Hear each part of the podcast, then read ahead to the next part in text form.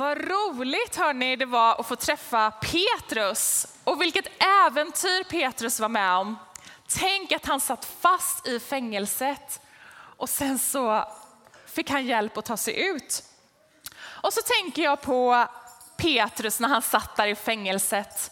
Det måste varit kallt och mörkt och han måste ha känt sig ganska ensam. Har ni känt er ensamma någon gång? Är det någon som har känt sig ensam? Ja, några i alla fall. Jag också. Och jag tror att Petrus kände sig ensam där i fängelset. Men då när han satt där och kände sig så där ensam så dök det upp en ängel som hjälpte honom ut. Och så tänker jag, hur tror ni att änglar ser ut idag?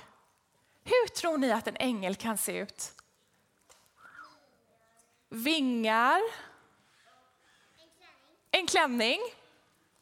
Ja.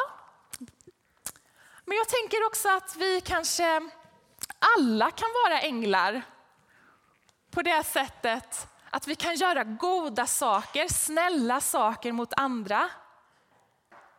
Det är ju att vara en ängel.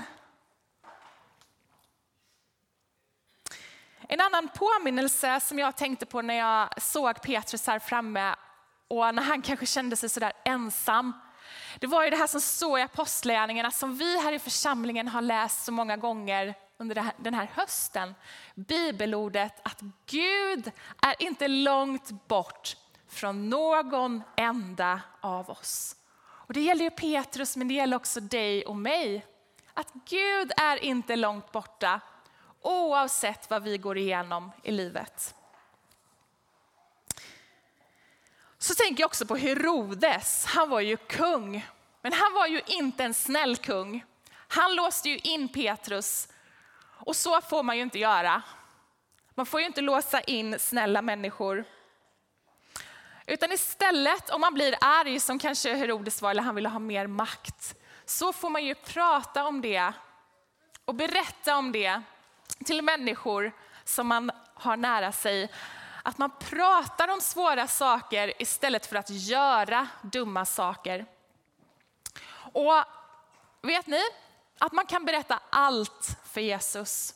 När man är arg, när man är ledsen, men också när man är glad och tacksam. Ja, Jesus är där, helt rätt. Ja. Och Jesus är oss alltid nära.